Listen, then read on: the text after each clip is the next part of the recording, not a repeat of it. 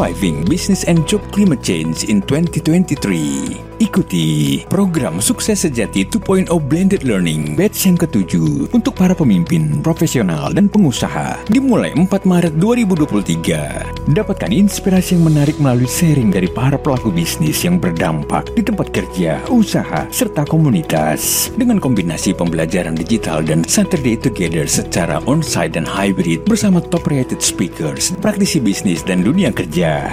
Menghadirkan Julian Fu, Paulus Bambang, Heru Kumarga, Johono Esudirgo, Junaidi Lee, Yakub Kusmanto, Yonatan Nugroho. Untuk informasi dan pendaftaran kunjungi www.kbc.or.id slash ssbl7 atau hubungi 0878 893 84329. Dipersembahkan oleh Kingdom Business Community, a God Center Marketplace Community.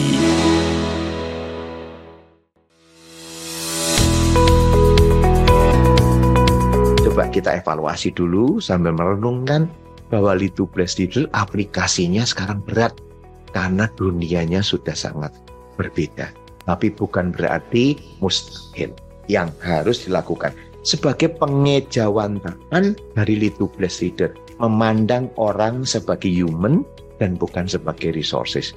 Yang pertama, harus berani empower. Empowerment versus being in control kalau kita percaya karyawan kita itu benar, ini harus berarti empowerment. Right empowerment. Kalau Anda tidak empower your employee, makanya karyawan Anda akan lost control. Om William, ini contoh bagaimana membuat Astra itu value driven corporation. Yang berikutnya adalah kalau kita mau bicara soal memberdayakan manusia, masih mereka kesempatan untuk berani jadi champion-champion.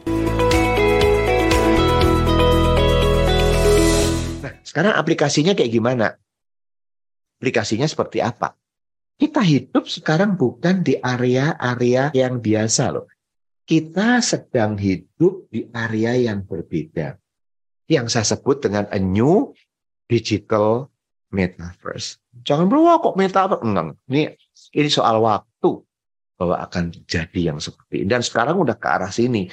Kemarin di B20 Bali, wah ini persaingan benar-benar digital dan metaverse. Makanya kan ada stream soal untuk literasi digital, digital, digital.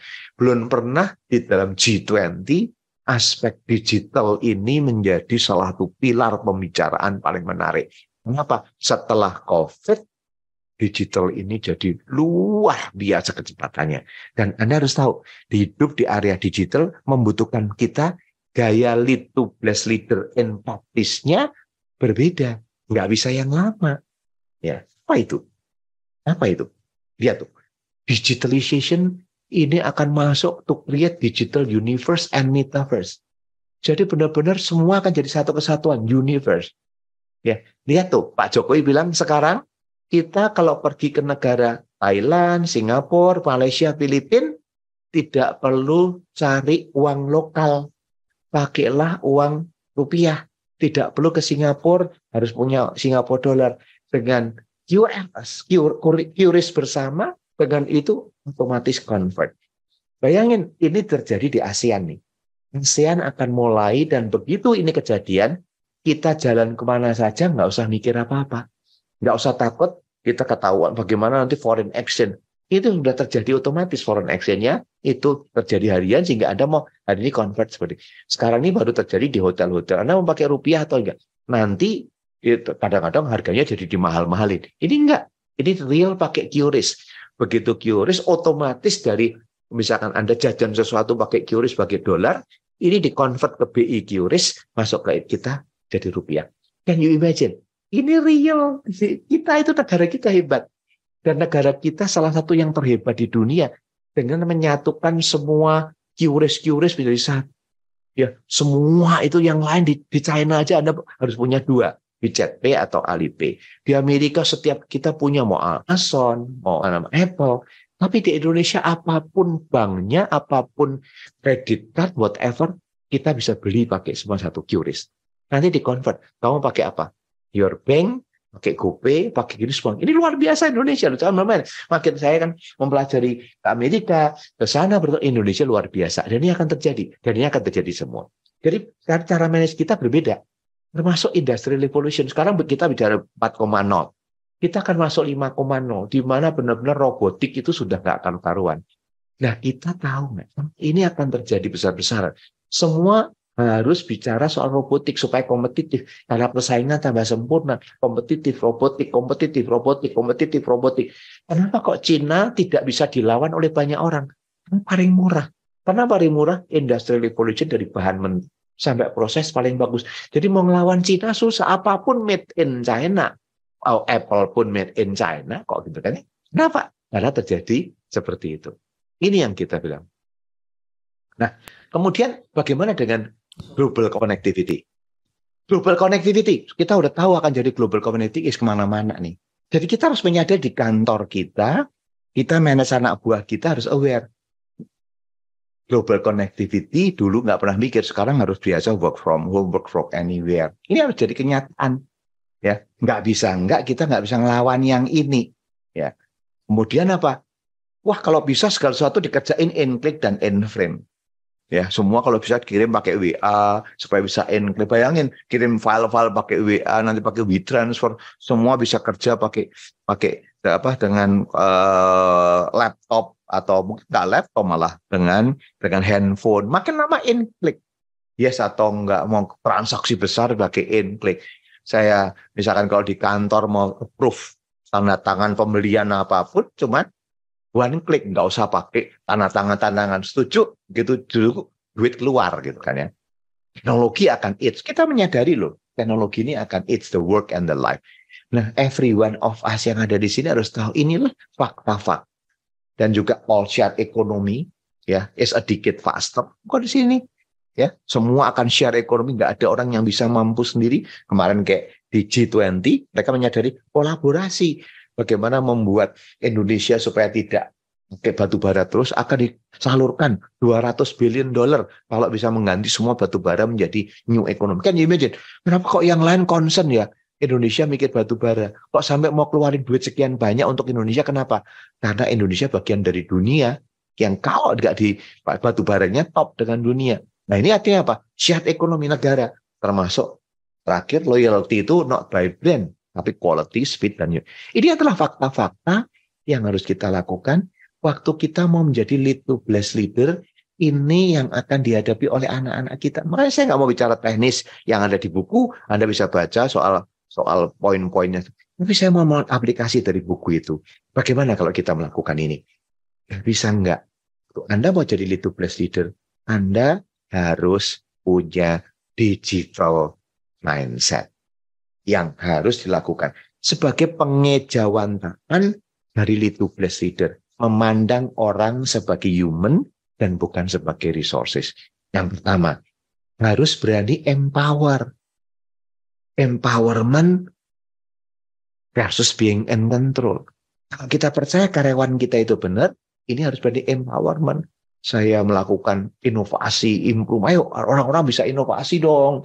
Orang-orang bisa melakukan segala macam dong. Dan berani melakukan disruption. Ajak karyawan-karyawan kita ke seluruh dunia. Ajak karyawan kita untuk poin ini saya masih waktu dalam setelah Gojek pada waktu itu dengan Mas Mas Menteri sekarang tapi kita mau bicara sesuatu yang yang different, ya.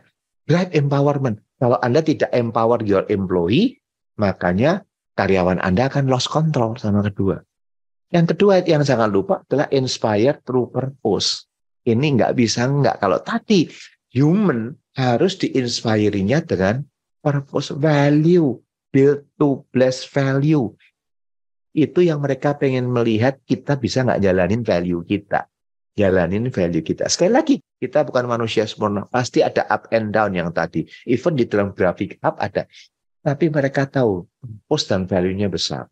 Om William, ini contoh bagaimana membuat Astra itu value driven corporation. Nah, Anda waktu itu plus value yang kasih contoh. Kata Paulus, lihat aku. Contoh aku banyak. Contoh aku loh, inspire to purpose value yang saya jalanin. Berani nggak kita berkata kepada anak buah, lihat aku, lihat aku. Ini arti inspired. Yang berikutnya adalah tidak bisa kalau kita mau bicara soal memberdayakan manusia, kalau kita bicara soal melakukan sesuatu mengenai manusia, kita bicara champion. Kasih mereka kesempatan. Ini saya kasih kesempatan. Grow champion. Ayo kasih kesempatan. Kamu jadi pemimpin ya. Kamu jadi co-founder. Kamu jadi ini. Oh, kamu sebagai co-partner. Whatever. Kasih mereka kesempatan untuk berani jadi champion-champion founder. Nih, ini begitu banyak list startup yang kita hasilkan dari karyawan kita. Pertanyaannya, Pak Paulus apa semua yang di list ini jadi? Enggak.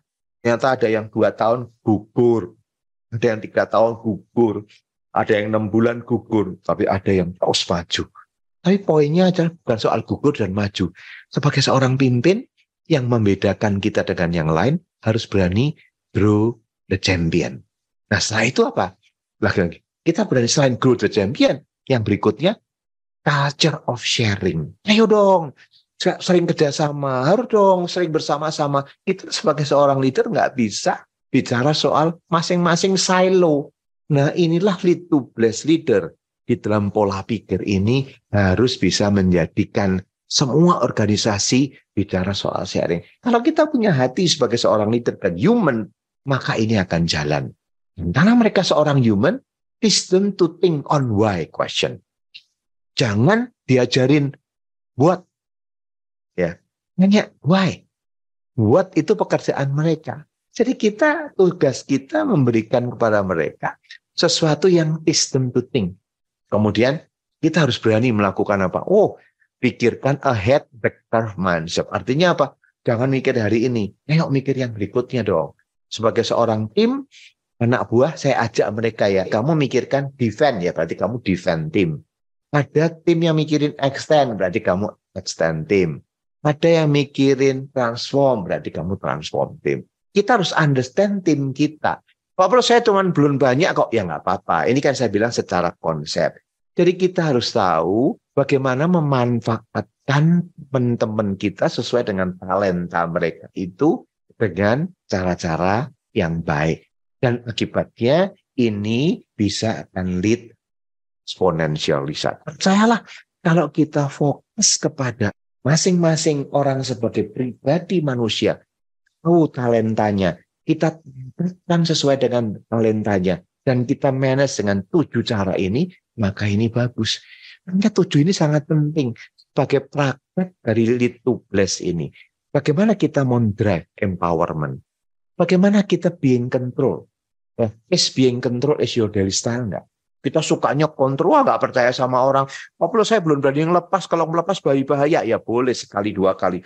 Tapi kalau dia udah 10 tahun, 15 tahun, semua dikontrol, semua harus dari ini. Ya Anda nggak bisa kerja yang lain. Saya juga nggak bisa kerja yang lain. Saya cuma gedean. Detailnya ya saya ada orang-orang. Saya turunkan. Di dalam praktek saya, saya turunkan. Oh gedenya kayak gini. Detailnya saya nggak tahu ya kasih orang. Jadi supaya anak buah saya juga seneng. Oh saya dikasih authority. Saya dikasih delegation of power dari Paulus. Saya dikasih empowerment untuk melakukan hal seperti ini. Tapi yang tidak saya boleh lepaskan adalah purpose, purpose, purpose. Tujuannya kamu tahu ya. Ini saya mau bikin apa? Project ini saya mau bikin apa? dan kemudian juga grow champion. Si kesempatan mereka menjadi champion-champion dan think why, why, why. Seorang little blessed leader harus fokus on why. Jangan bombardi dengan what, what, what. Yang keenam, Anda punya nggak di dalam tim Anda yang punya defend team yang bisa mempertahankan yang sekarang udah Anda capek. Ada nggak orang yang memberatakan your extend team?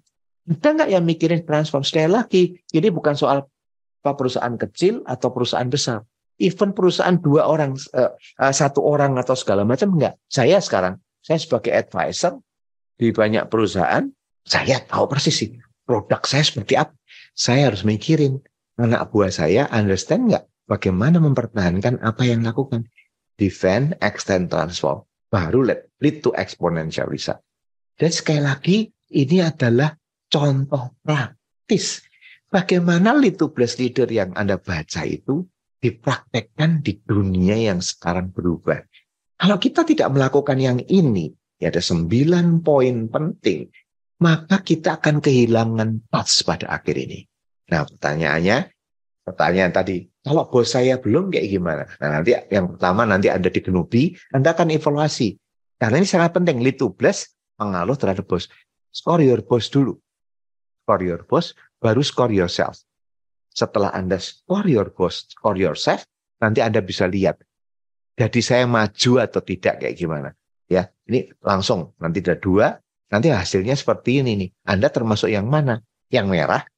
Kalau merah, Anda masih very bad leader nih. Kalau kuning, Anda bukan great leader loh. Kalau udah hijau seperti ini, jangan jangan pat ini kan namanya rapid test. Ini adalah satu tempat untuk kita maju. Kalau Anda kuning, let's do something, improve to the next, ya, improve to lakukan ini. Tapi sekarang bagaimana kalau nanti Anda sudah your boss di sini, ini kan ada kriterianya. Atasan Anda ini tidak oke, okay. ya kan? Kemudian Anda oke, okay. Anda akan grow slow. Selama atasan Anda tidak oke, okay, Anda hebat pun, anda akan grow slow. Hati-hati. Nah tadi ini pertanyaan berikutnya. Sama kalau your boss dan your management secara total tidak value driven, Anda mau value driven, Anda akan grow slow. Sebaliknya kalau your boss positif, bagus sekali. Anak buah Anda kurang, Anda akan grow fast. Karena ditarik oleh atasan. Yang paling berat sudah atasan Anda jelek, Anda jelek, ya Anda akan go astray. Semua ini. Jadi ini kembali satu gambaran bahwa kita di dalam to bless ini sangat pengaruh karena pattern klien. Dan itu sebabnya kita harus memilih. Makanya kalau kita salah pilih guru, ya kita jadinya akan berbeda. Itu sebabnya hari ini coba kita evaluasi dulu sambil merenungkan bahwa to bless itu aplikasinya sekarang berat karena dunianya sudah sangat berbeda. Tapi bukan berarti mustahil. Oke, pertanyaan pertama gini Pak Paulus. Kalau kita sudah tahu ya nanti leadership kita stylenya seperti apa, misalnya Pak Paulus dreamer, arsitek gitu ya. Kemudian kita cek anak buah kita. Ternyata tipenya itu tidak sesuai yang kita harapkan. Misalnya sama-sama dreamer misalnya gitu Pak. Apa yang harus dilakukan? Apakah harus dirubah? Apakah mungkin merubah orang yang dreamer itu kemudian menjadi arsitek misalnya gitu atau jadi builder apakah mungkin? Jawabannya gampang, nggak mungkin. Gini, kita itu harus sadar bahwa itu God's given gift. Kita bisa ngerubah yang kelemahan kita menjadi minimum requirement. Tapi yang menjadi strong point kita dari tujuh itu udah God's given. Kita justru kembangkan talenta yang Tuhan kasih yang strong point. Ya kan? Kalau saya bilang kalau weak point jadi strong point itu mustahil gitu. Ya ya nggak bisa jadi menurut saya jangan coba merubah apa yang sudah digariskan Tuhan tapi kok yang strong point itu dijalankan? Kalau mereka dream ya ya jangan jadi arsitek enggak. Tapi cara kita ngasih kerjaan kepada bawahan kita. Kalau ternyata saya setelah melihat kayak gini banyak tadi justru banyak di klien saya gitu. Itu kan pantas saya sering ribut ya pantas ya karena kamu tuh dreamer kasih kasih tahu? Kok malah kamu saya kritikin? Kamu tuh dreamer kalau rap. Kita selalu bilang down to earth down to earth ya. Kamu tuh jangan ini ngambang-ngambang ya. Kamu tuh ngambang-ngambang down to earth. Udah. Nah ternyata saya tahu tuh kamu dreamer. Jadi kalau saya suruh down to earth malah nggak bisa. Malah orang pimpinannya yang operator. Kita selalu ngomong dia kurang strategik. Kita sekolahin ke yang lain deh. Kamu berpikir strategik dong. Mikir kok kayak gitu terus kok. Mikir yang strategi dia. Lah itu juga stres. Karena apa? Ya masing-masing enggak makanya kita harus bisa menempatkan nah ini yang terjadi banyak atasan salah. Yang dreamer disuruh down to earth yang operator disuruh strategik. Makanya kalau orang-orang yang tipenya operator husbanders disuruh rapat planning cycle lima tahun dia sering ke WC dan ini ngomong apa tuh gitu. Pak Paulus tuh ngomong apa lima tahun mau jadi kayak gimana? Wes gak masuk di akal Pak Paulus ngomong. Jangan kita rusak semua. Tapi kita manfaatkan. Kalau anda udah tahu kekuatan atau anda udah tahu bawaan anda seperti ini oh jadi dia selama ini orang sales ternyata tuh hebat di soal dia dreamer dan dia hebat di reinvent kalau saya dia dikasih peran sebagai marketer bukannya sales. Tambahin untuk marketer.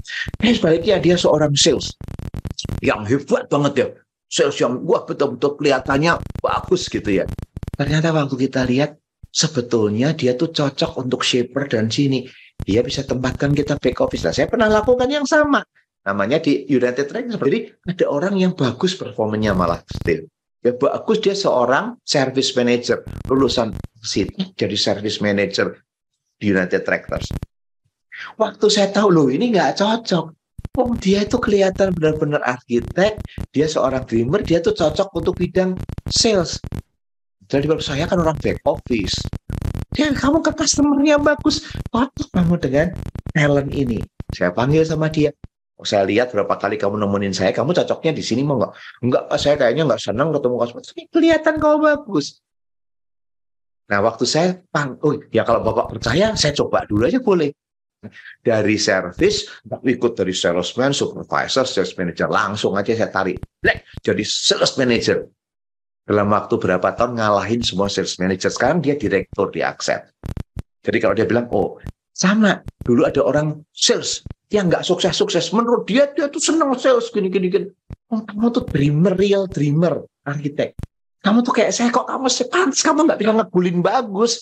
Tahun-tahun tuh kamu nggak bisa jadi sekali-sekali tapi nggak tahu. Oh gitu pak kamu mau nggak jadi strategic management kamu bantuin saya malah bidang HRD sekarang dia direkturnya Astra atau bukan direktur chief eh, Astra soal HRD kalau ketemu saya kalau saya nggak dirubah apa saya nggak jadi deh salesman dari mana saya melihat itu kenapa kok saya berani ngerubah karena justru saya tidak mau ngerubah dia. Saya memanfaatkan kekuatan dan banyak. Saya bisa cerita on and on ya. Banyak yang saya pindah-pindah-pindah. Akibatnya apa? akibatnya orang-orang itu berhutang bukannya berhutang budi kali ya, berhutang talent.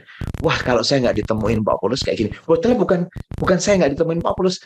Kamu tidak pernah mau dikasih challenge sesuai dengan bidang ini karena udah comfortable apalagi perform kan. Nah, tugas saya sebetulnya, eh kamu bisa ke sini loh. Kamu bisa ke sini loh. Bisa jadi kayak gitu. Oke, Jelas, Pak. Jadi dipindah ke tempat yang tepat gitu ya, Pak ya. Kalau perlu Iya, atau dikasih pekerjaan di pekerjaan yang sama yang tepat. Uh, pertanyaan saya adalah kalau misalkan uh, saya kan joinan sama teman-teman, joinan ini beberapa orang ini serupa semua. Itu caranya gimana supaya bisa bisa membagi-bagi? Very good question. Itu kan karena gini Pak, ada kecenderungan orang mau join kan cari orang yang sama, yang cocok. Ini zaman dulu itu paling efektif. Tapi zaman sekarang di mana teamwork kolaborasi bagus kalau kita joinan sama semua orang yang sama nggak ada tim yang defend extend transform yeah. makanya zaman sekarang berubahnya adalah cari orang yang equip dengan Anda. Jangan sing podo, Pak. Kalau Anda perhatikan di dalam bukunya Man of None, Om William tuh cari bukan orang yang sama. Om Slim itu cari semua partnernya empat sekawan orang yang totally berbeda saya belajar ini. Kalau dulu itu ya cari orang yang sama supaya ngomongnya banyak. Tapi perusahaannya nggak semaju-maju. Tapi begitu si Om Lim selalu ribut gitu kan. Saya bayangin Om William dengan tiga orang yang berbeda. Setelah, wah dari sini, dari sini, ribut. Makanya bisa maju gitu ya. Daripada semua sama. Tapi ada satu orang yang mimpin anak buahnya pengen semua sama, ambrek semua. Jadi kembali, itu normal kok. Nah sekarang syaratnya, kalau sampai itu partner begitu, Anda nanti bikin the second level. Ini kalau pertama kan udah makin, kayak kita kan udah berumur Pak, saatnya kita menyerahkan kepada yang muda. Nah, next generationnya carilah justru orang yang komplement. Ini dreamer, arsitek. Jangan dilihat kayaknya kok tambah beda ya. Oh, pola pikirnya beda. Ya serunya beda itu. Nah, kalau sama ya, jadi kurang maju di dalam bisnis ini. Tapi saya perhatikan banyak orang itu kekuatannya justru di dalam perbedaan lah itu. Tapi yang harus dijaga value-nya sama. Talent berbeda itu indah. 12 murid Yesus, everyone punya his own karakter dan talent. Kenapa Tuhan menyatukan itu? Supaya kuat. Uh, Pak Paulus, ini ada pertanyaan. Pak Paulus, apakah ada kuesioner atau alat untuk mengukur dengan mudah atau mengidentifikasi anak buah kita itu tergolong dreamer atau operator atau lainnya gitu Pak? Ada secara lengkap. Nanti Anda bisa hubungin karena saya udah minta startup namanya Personic ya, namanya Harmony Extra bagian dari kita. Itu komplit begitu Anda ngikutin tesnya online seperti ini, nanti Anda bisa dibacain sama dia. Anda tuh kayak gimana? Jadi ini yang sudah saya kembangkan di perusahaan-perusahaan ada di personik. Tapi justru saya menciptakan ini supaya apa? Karena makin kalau di perusahaan kan harus makin scientific kan. Ini dilakukan dan analisanya, kemudian juga nanti analisanya Anda akan makin dapat tajam, bukan hanya soal dreamer, tapi detailnya akan diberikan sesuai dengan talenta itu. Ini menolong kita Kalau mau tahu lebih detail ya, karena buat perusahaan yang saya bantu, ini menentukan individual development plan dan individual career plan. Ini programnya aja kalau di perusahaan yang saya bantu itu yang itu plus ini 12 sesi setiap sesi 3 jam. Kemudian shifting up 12 sesi dari 6 bulan nih dua minggu sekali. Anda bayangkan dua minggu sekali harus dievaluasi kayak itu akan menghasilkan. Kalau membangun litublas leader harus ada komitmen. Tes-tesnya semua ada di sana ya. Juga kita juga ada program ya Pak yang litublas ya Pak ya. Mungkin bagi teman-teman yang nanti memperdalam tentang litublas ini uh, di KBC ada program litublas yang nanti kami akan informasikan kita bisa belajar lebih mendalam lagi. Saya ingin tanya begini Pak, nomor satu, apakah kalau sebagai pemimpin di satu perusahaan atau mungkin bisnis ya, apakah memang harus tipe dreamer ataupun builder ada di dalam dirinya. Dan nomor dua korelasinya begini Pak, apabila satu tim yang kita punya nih saat ini itu nggak terlalu beragam, jadi kurang lengkap. Tetapi dalam kondisi saat ini kita tahu bahwa perusahaan ini mungkin kalau untuk mengambil orang atau merekrut orang dari luar ini belum kapabilitasnya belum mampu. Itu apakah ada strategi sendiri atau bagaimana Pak Paulus? Terima kasih. Oke, sekali pertanyaan bagus deh. Ini adalah program bukan seandang saatnya. Jadi yang penting Anda tahu, ini loh, kenapa kok perusahaan saya nggak total football? Karena semua sama. Cara berpikirnya semua sama. Kan kita cenderung cari orang yang sama dengan dia. Hmm. Gitu kan ya. Padahal hmm. kalau kita belajar Alkitab, Tuhan enggak loh Musa carinya oh Harun Hur yang berbeda, ya kan? Nah itu kan dalam kondisi sekarang nggak apa-apa. Yang penting long termnya bisa nggak orang yang sekarang ada yang sama semua, coba dikasih pekerjaan, dikasih stretch a little bit untuk kembali defend, extend, transform. Kamu mikirin bagian defend ya, kamu mikirin ada extend ya, kamu transform ya.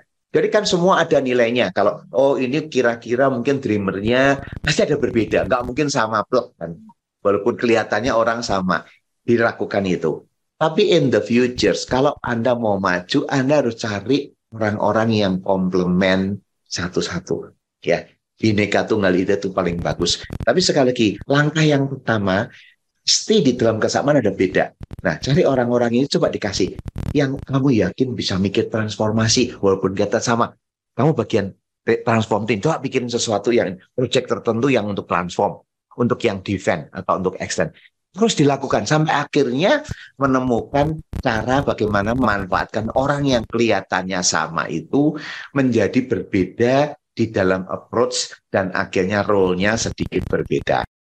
Tapi ini perlu perlu step by step ya. Jangan semua orang disuruh mengerjakan yang sama. Saya selalu bilang di perusahaan harus punya tiga pola pikir. Kerjanya sama orang sales. Saya misalkan punya salesman lima, satu, saya suruh mikirin bagaimana mendefend produk kita. Dua, saya suruh bikin extend produk. Dua, mungkin satu orang, kamu tiap bulan pokoknya atau tiap dua minggu sekali present ke kita bagaimana mentransform. Orang yang lima, kalau defend kan jalanin semua, semua bisa. Nah itu makin ya. lama melatih mereka. Walaupun kalau ada orang yang dreamer akan lebih cepat dibandingkan bukan orang dream gitu. Jadi sekali lagi, defend, extend, transform bukan soal tim itu banyak. Even satu orang. Termasuk istri nih.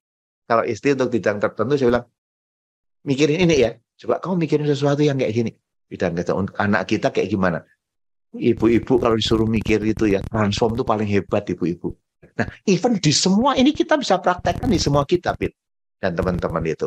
As long as kita berani ngasih kesempatan, tolong mikirin. Dan jangan di dari awal. Biarlah dia ide banyak dulu. Nah, setelah ide, nanti kamu akan lihat, wow, nah saya menarik adalah sama itu waktu saya launch karena saya berpikir kan banyak karyawan kita yang hebat-hebat. Kamu boleh ide apa saja di luar bidang.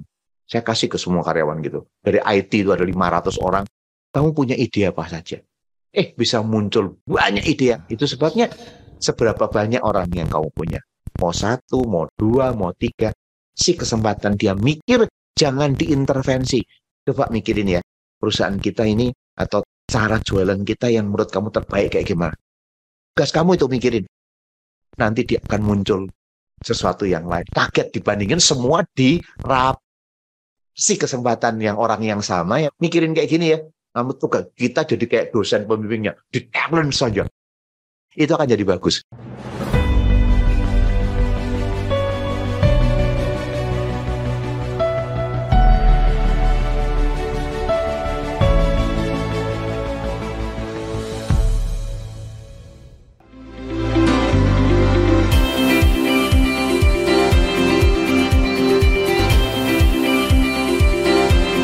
Riser and Podcast listeners, terima kasih Anda telah menyimak Rise Podcast Special Edition yang dipersembahkan oleh Kingdom Business Community.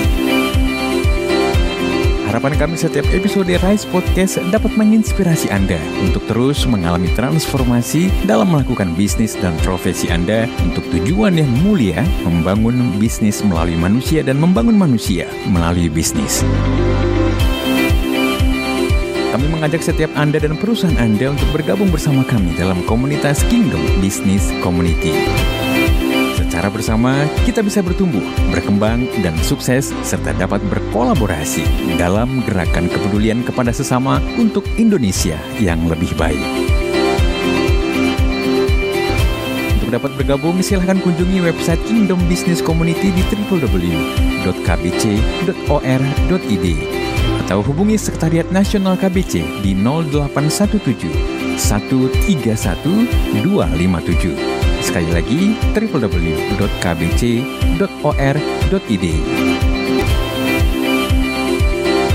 Rise Podcast Kingdom Business Community. We podcast with heart. Sampai jumpa.